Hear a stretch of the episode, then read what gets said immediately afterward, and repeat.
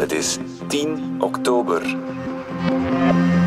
Dit is vandaag de dagelijkse podcast van de Standaard. Ik ben Alexander Lippenveld. Een nieuw seizoen, een nieuwe coronagolf. We geraken er intussen stilaan aan gewend. Want als er één iets zeker is, dan is het dat die nieuwe golf er komt. En er komen ook weer heel wat nieuwe varianten op ons af. Hoe ernstig wordt golf nummer 8? Wat haalt een nieuwe boosterprik nog uit? En komen er terug coronamaatregelen?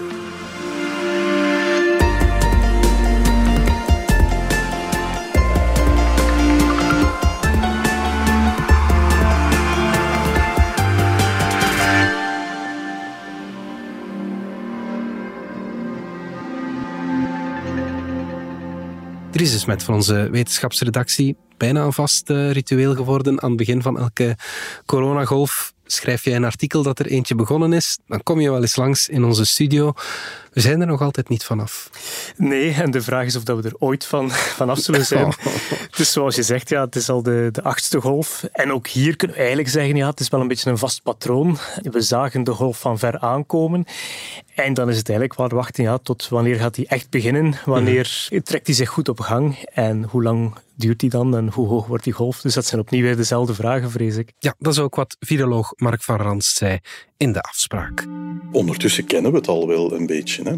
Mhm. Ehm, bij de eerste golf dan kan je verrast zijn, die tweede ook. Maar vanaf dan, dan, uh, dan weet je dat eerst het aantal nieuwe gevallen gaat stijgen, dan het aantal ziekenhuisopnames, dan intensieve, dan de mortaliteit, de sterfte.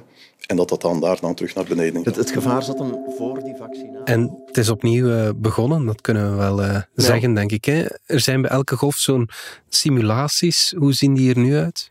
Ja, omdat telkens de vraag is, ja, hoe erg wordt het nu? En dat is een belangrijke vraag, zeker als je denkt vanuit de ziekenhuizen. Ja, je wilt toch weten waarop moet je je voorbereiden, ook hmm. vanuit politiek, waarop moeten we ons voorbereiden? Moeten we nog eventueel maatregelen nemen? Als je kijkt naar de voorspellingen nu, de modelleurs zeggen zelf altijd dat het simulaties zijn, dus het zijn scenario's die ze uitwerken. Ja, dan blijkt daaruit dat dat niet zo heel erg wordt. Dus mhm. zeker als je kijkt naar de ziekenhuizen, dan moeten we niet denken aan een scenario bijvoorbeeld zoals we gehad hebben eh, begin dit jaar met de mm Omicron-golf, waarbij dan op het zwaarste punt 4500 mensen tegelijkertijd in het ziekenhuis lagen. Mhm. Nu zeggen ze eerder iets rond de 2500 als je kijkt naar een realistisch scenario, dus mhm. dat is dan toch een pak minder. Ja. Maar dan moeten we er ook wel bij zeggen dat er ook nog een aantal dingen niet in het scenario zitten. Oké, vertel. Zoals nieuwe varianten bijvoorbeeld. Oké, ja, ja, ja, daar gaan we het over hebben. Eh, de vorige golf was die BA5, was het, uh, dacht ik, uh, dominant. Is dat nu nog zo? Ja, dat is nog altijd zo. Dus het is nog altijd zo dat 90% van de besmettingen BA5 zijn mhm. en dan nog 7% BA4. En dus de opkomende varianten die zijn dan veel kleiner. Ja. Maar die komen er wel aan. Dus je ziet wel overal ter wereld duiken nu heel veel nieuwe varianten op. Zelfs zoveel dat het een wirwar wordt van, van allerlei varianten. Maar je ziet dat die vaak nog wat onder de radar blijven, behalve in India. Daar hebben we wel duidelijk een nieuwe variant die, die duidelijk opkomt. Mhm. In Nigeria bijvoorbeeld ook. Maar heel veel andere landen ja, blijft die nog wat onder de waterlijn. Maar je ziet wel opnieuw, en dat is opnieuw zeg maar, de chroniek van een aangekondigde overname, zeg maar. Mhm. Je ziet opnieuw weer varianten die veel sneller vooruit gaan dan andere en dus het waarschijnlijk zullen overnemen. Net zoals bij uh, ja, de eerste Omicron-variant is, zo moeten we het ondertussen zeggen. En hoe heet hij nu, die uh, dominante? Wel, we hebben nog verschillen die mogelijk zijn. Mhm. Dus we zien bij ons bijvoorbeeld dat we nu 3% BQ 1.1 hebben. Dat is niet een sexy naam. Hij wordt bij, dus zijn bijnaam is Cerberus, of, of Kerberos, de, de driekoppige hond van de onderwereld. dat is dus op zich ook opmerkelijk nu, dat je voortdurend ook nieuwe namen ziet opduiken. Ja, want de Griekse letters zijn toch stilaan op, denk ik. Ja, wel, ze zijn, zijn nog niet op, maar op een gegeven moment heeft de Wereldgezondheidsorganisatie beslist, ja, we kunnen niet zo snel meer die Griekse letters gaan uitdelen, want ze gaan heel snel op zijn. Het Griekse alfabet is maar 24 letters, dus dan zijn ze op. En dus na Omicron hebben ze eigenlijk gezegd, ja, het zijn eigenlijk allemaal afstammelingen van Omicron, dus ze vallen allemaal onder Omicron. Ja. Maar dat is natuurlijk niet echt handig om een variant de naam te geven uh, BA232. uh, dus daar verzinnen we dan opnieuw nieuwe namen voor. En dus die BQ1.1 Cerberus is een mogelijkheid moeilijkheid. Dus wat men eigenlijk doet om te voorspellen welke variant zal doorbreken, is men kijkt enerzijds naar ja, welke variant heeft nu een groeivoordeel als we de kleine cijfers die we al hebben interpreteren. Dus je Mhm. kijkt naar alle landen en je ziet welke komt op en met welke snelheid en wie verdubbelt op welke snelheid. Ja. En dan zie je meteen dat er varianten zijn die wel opduiken, maar heel traag gaan. En je hebt dan varianten zoals die BQ1.1 die heel snel gaan. Ja. En het andere wat men bekijkt is, men kijkt in labo. Men neemt dus bloed van mensen die al een infectie doorgemaakt hebben of eh, mensen die al gevaccineerd zijn, die dus antistoffen hebben. En dan gaat men in het labo gaan kijken, oké, we bouwen die variant na of we nemen die variant, een nieuwe variant, en we kijken hoe goed kan dat eh, serum, die, dus met die antistoffen, die variant neutraliseren. Ja. En hoe slechter dat, dat kan, ja, hoe waarschijnlijker dat het is dat die variant kan doorbreken. Ja, omdat voilà. die net de immuniteit om, omzeilt. En dus daar blijkt ook, ook in de Chinese studie, die BQ1.1, die blijkt daar zeer goed in te zijn. Die variant die nu in India circuleert, die blijkt er ook zeer goed in te zijn. Maar zeggen die Chinese onderzoekers, nu die dat nu onderzocht hebben, er is nog een variant die daar nog veel beter in is. Dat is de XBB. En als er een X voor staat, wil het zeggen dat het een combinatie is van verschillende, Ah ja. verschillende virussen. Dus, dus ook het coronavirus kan zeg maar aan virale seks doen. Dus dat wil zeggen dat die mengt in de gastgeer. Dus een gastgeer heeft op een bepaald moment twee varianten. Ja.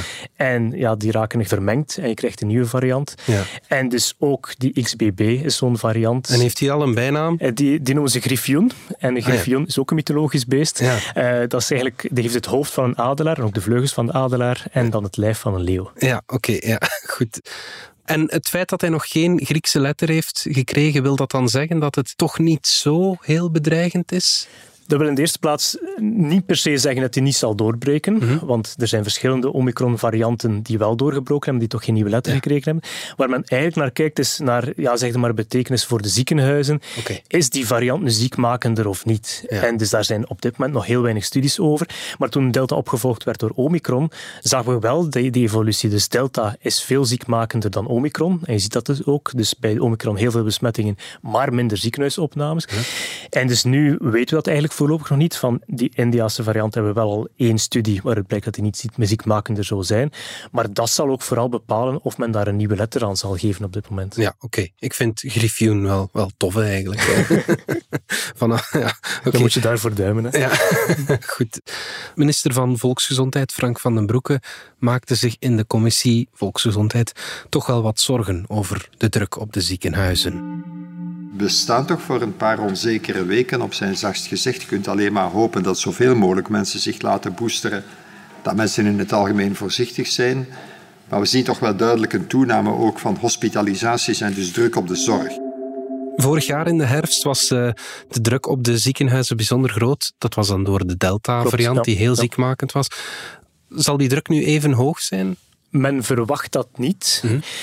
Nu, er komt nu wel nog een andere factor bij, dat is de griep, waarvan we niet zullen weten ja, hoe zwaar zal die nu zijn. Ja. Als je kijkt naar het zuidelijk halfrond, die altijd voorlopen wat griep betreft. Omdat Dus- die winter daar nu al gepasseerd ja. is. Dus in Australië zag je dat er een erger griepseizoen was dan de voorgaande jaren. Maar dat al bij al nog meeviel. Nu, Mhm. Australië, daar kwamen ze net ook wel uit die coronamaatregelen, dus daar waren wel nog beperkingen. Dus dat is ook niet helemaal vergelijkbaar, terwijl je vandaag bij ons nog weinig beperkingen hebt. Mhm. En natuurlijk, na twee jaar is het wel zo dat je ja, een bevolking hebt die naïef is. In die zin zijn weinig in contact gekomen met de griep. Dus die zeer vatbaar zijn voor griep. Dus zou het wel eens kunnen dat er een zwaar griepseizoen aankomt. En dat leidt ook tot hospitalisaties. Ja. Dus daar zijn we nu aan het kijken, ja, moeten we daar ook geen simulaties hebben die de beide in kaart kunnen brengen? Maar het is op dit moment zeer moeilijk om dat te doen. We hebben het al gezegd, het is al de achtste golf. Het is al meer dan de achtste podcast die we erover eh, maken, denk ik, Dries. Maar wanneer komt er eigenlijk een soort van normalisering van dat eh, coronavirus? We zeggen dat al zo lang, hè. het wordt een gewoon griepje of een gewone verkoudheid. Het is nog altijd niet het geval. Ja, de griep is relatief genormaliseerd, omdat die eigenlijk een vrij voorspelbaar karakter heeft. Ja. We zien die één keer per jaar terugkeren, telkens rond dezelfde tijd. Bij ons is dat januari, februari. En de enige variatie die er aan in zit, is welke stam breekt door of welke variant. Werken de vaccins goed of niet goed? En zien we meer of minder ziekte en dus ook meer of minder overlijdens. Dat patroon zie je op dit moment nog niet bij corona. Het is niet dat we nu al in zo'n voorspelbaar patroon zitten. We zien wel Het wordt nu najaar, dus de kans op een golf is groter. Dus het is niet onverwacht dat die golf komt, want we hebben opnieuw meer contacten, typisch na een zomer. Het werkjaar begint, het schooljaar begint en alle activiteiten die ermee samenhangen. Ja. En mensen gaan meer gaan binnenzitten. Dat is typisch recept waarin je zo'n golf kan krijgen. Dus dat is in zekere zin ook voorspelbaar. Maar we zitten nog niet in dat endemisch evenwicht, zoals men dat dan noemt, waarbij je eigenlijk een relatief voorspelbare situatie hebt, waarbij je eigenlijk heel het jaar door een beetje dezelfde situatie hebt. Alleen er zijn er wat golfjes, omdat er nu eenmaal ander gedrag is en ook een ja, misschien ander verlies van immuniteit, maar dat is vrij voorspelbaar. Daar zitten we denk ik vandaag nog niet bij het coronavirus. Ik neem mezelf even als voorbeeld, Tries. Ik ben intussen twee keer besmet en drie keer gevaccineerd. Vanavond komt een vierde vaccin. Dat is voor heel veel mensen zo. Iedereen kwam er wel al mee in aanraking. Waarom blijven die besmettingen zich nu voordoen en waarom is die beruchte groepsimmuniteit er nu nog altijd niet? Ja, omdat het virus er toch telkens in slaagt om die immuniteit te omzeilen. Mhm. Er zijn inderdaad ziektes waarbij je met één vaccinatie ervoor zorgt dat je dat eigenlijk nooit meer krijgt. Je hebt een levenslange bescherming. Mhm. Omdat dat virus niet in staat is om die opgebouwde immuniteit te omzeilen. Mhm. Dat is helaas nu niet zo. En ja, we zien dat het een vrij uitgebreid virus is. Het is een groot erfelijk materiaal, dus dat, daar kunnen heel veel mutaties in ontstaan. En die mutaties zijn dan ook nog een keer in staat om die antistoffen die we hebben te omzeilen. Ja, en er is ook zoiets als een fenomeen dat imprinting mhm. heet. Wat is dat juist? Imprinting betekent eigenlijk een lichaam moet een manier vinden om met virussen om te gaan. In dit geval het coronavirus heeft heel veel mogelijke plekken, heel veel eiwitten, waarop we ons kunnen richten met ons immuunsysteem. Dus mhm. een van de eerste verdedigingslijnen zijn die antistoffen. En wat je ziet is een fenomeen dat men immunodominantie noemt.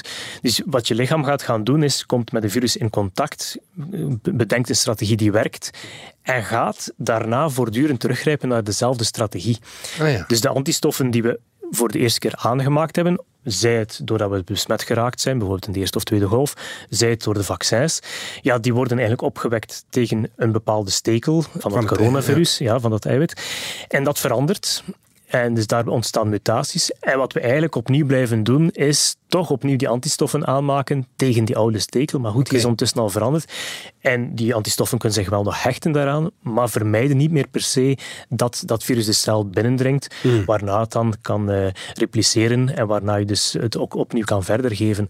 Ja. Dat fenomeen zorgt ervoor dat we minder goed beschermd zijn door telkens terug te grijpen naar hetzelfde middel, geef je eigenlijk ook het virus kans om een nieuwe strategie te gaan bedenken. En dat is natuurlijk niet bedacht vanuit dat virus, maar goed, zijn mutaties die willekeurig ontstaan en blijkbaar helpen die mutaties dan hmm. om dan toch mensen opnieuw te besmetten. Ja, maar dat gaat dan om besmetting. We worden wel minder vaak ziek of minder ernstig ziek dan uh, Ja, dan dus na die antistoffen heb je ook nog een tweede verdedigingslijn, dat zijn dan de T-cellen. Dus die herkennen geïnfecteerde cellen en ruimen die op. Ja.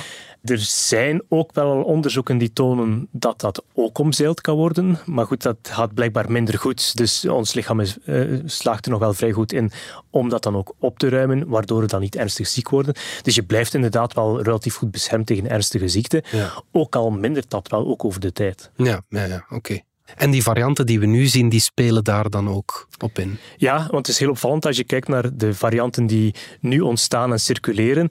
Het zijn er heel veel, maar ze gaan allemaal een beetje in dezelfde richting. Mhm. Dus ze vertrekken van een ander vertrekpunt. De ene vertrekt van zeg maar BA5, de andere van BA1, twee Omicron-varianten. Mhm. Maar je krijgt telkens mutaties in dezelfde richting en dezelfde mutaties. Blijkbaar zijn dat dan de mutaties die inderdaad er beter voor zorgen dat onze immuniteit omzeild wordt. We gaan er even uit voor reclame. Wil jij je passie omzetten in Lego-stenen? En wil je iets verwezenlijken? Met je eigen handen. Het plan uitvoeren, blad na blad, stap voor stap. Super gefocust. Je bent in het moment. En je ziet het voor je ogen groeien. Lego bouwplezier. Dat is toch het schoonste wat er is? Wil jij ook je passie omzetten in Lego-plezier? Zoek dan snel op Lego-sets voor volwassenen. Dries, terug naar uh, corona dan. Er heerst nu heel wat vaccintwijfel. Ook mensen die zich al drie keer lieten mhm. vaccineren, die twijfelen om dat een vierde keer te laten doen. Ik begrijp dat wel, om eerlijk te zijn. Maar waarom zou je het wel doen? Wel, eigenlijk moet je de vraag stellen een, een vierde prik, hoeveel maakt dat nu nog uit? Ja. Want ik ben al drie keer gevaccineerd, ik ben al zoveel keer besmet. Ik zal wel al een hoge bescherming hebben. Mhm. En nu, daar is op zich ook onderzoek over. Wat is nu het marginaal nut van die, van die vierde prik?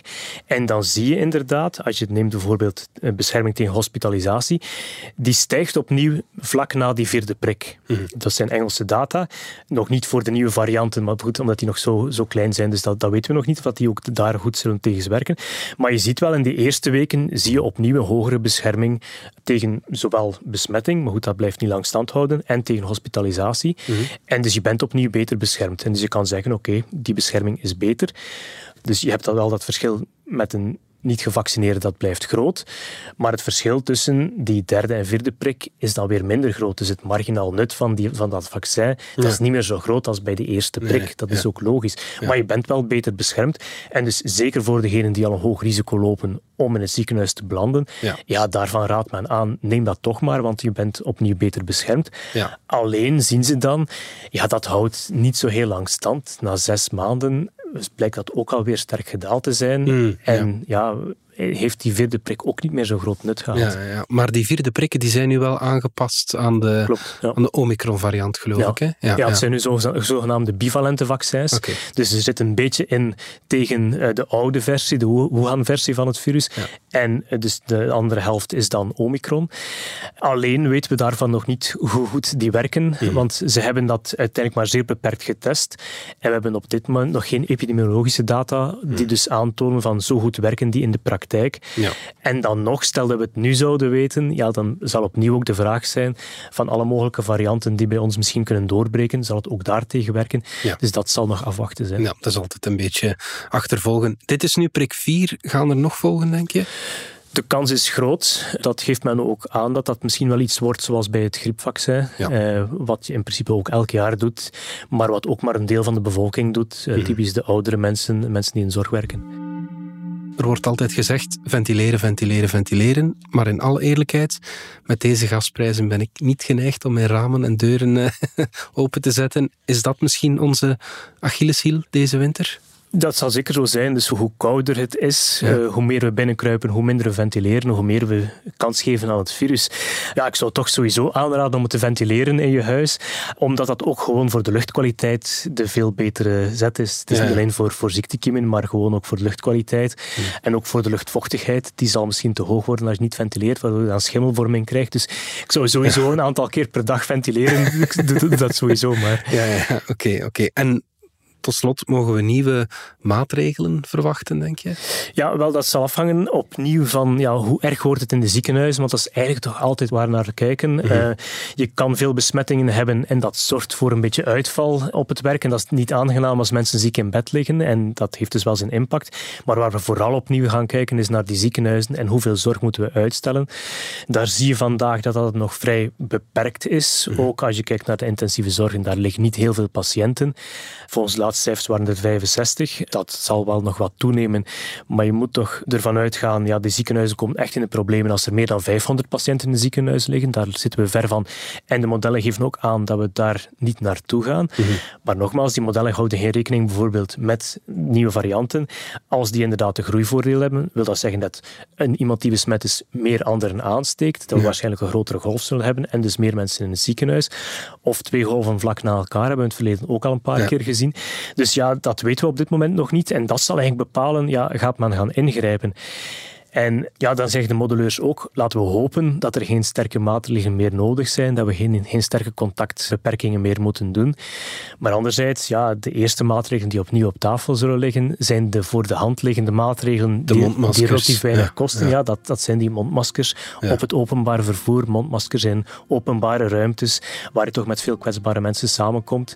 Wat op zich niet zo lastig is om te doen. Dus is- dan maar dat, dat wou ik dan ook zeggen. ja, het is, het is ja. vervelend, maar goed, eh, contactbeperkingen of een hele sector weer gaan sluiten, dat is natuurlijk veel ingrijpender. Ja, en ja. daar zal men ook niet snel naar teruggrijpen als dat niet moet. Ik hoop dat je gelijk hebt. Goed, Dries de Smet, dankjewel. Met veel plezier. Dit was vandaag de dagelijkse podcast van De Standaard. Bedankt voor het luisteren. Volg ons op Spotify, Apple Podcast of eender welk ander podcastplatform. In onze gratis FDS podcast kan je niet alleen ons werk beluisteren, maar ook de beste podcasttips terugvinden met zorg geselecteerd door onze redacteur Max de Molen. Alle credits van de podcast die je net hoorde vind je op standaard.be-podcast. Reageren kan via podcast.standaard.be. Morgen zijn we opnieuw.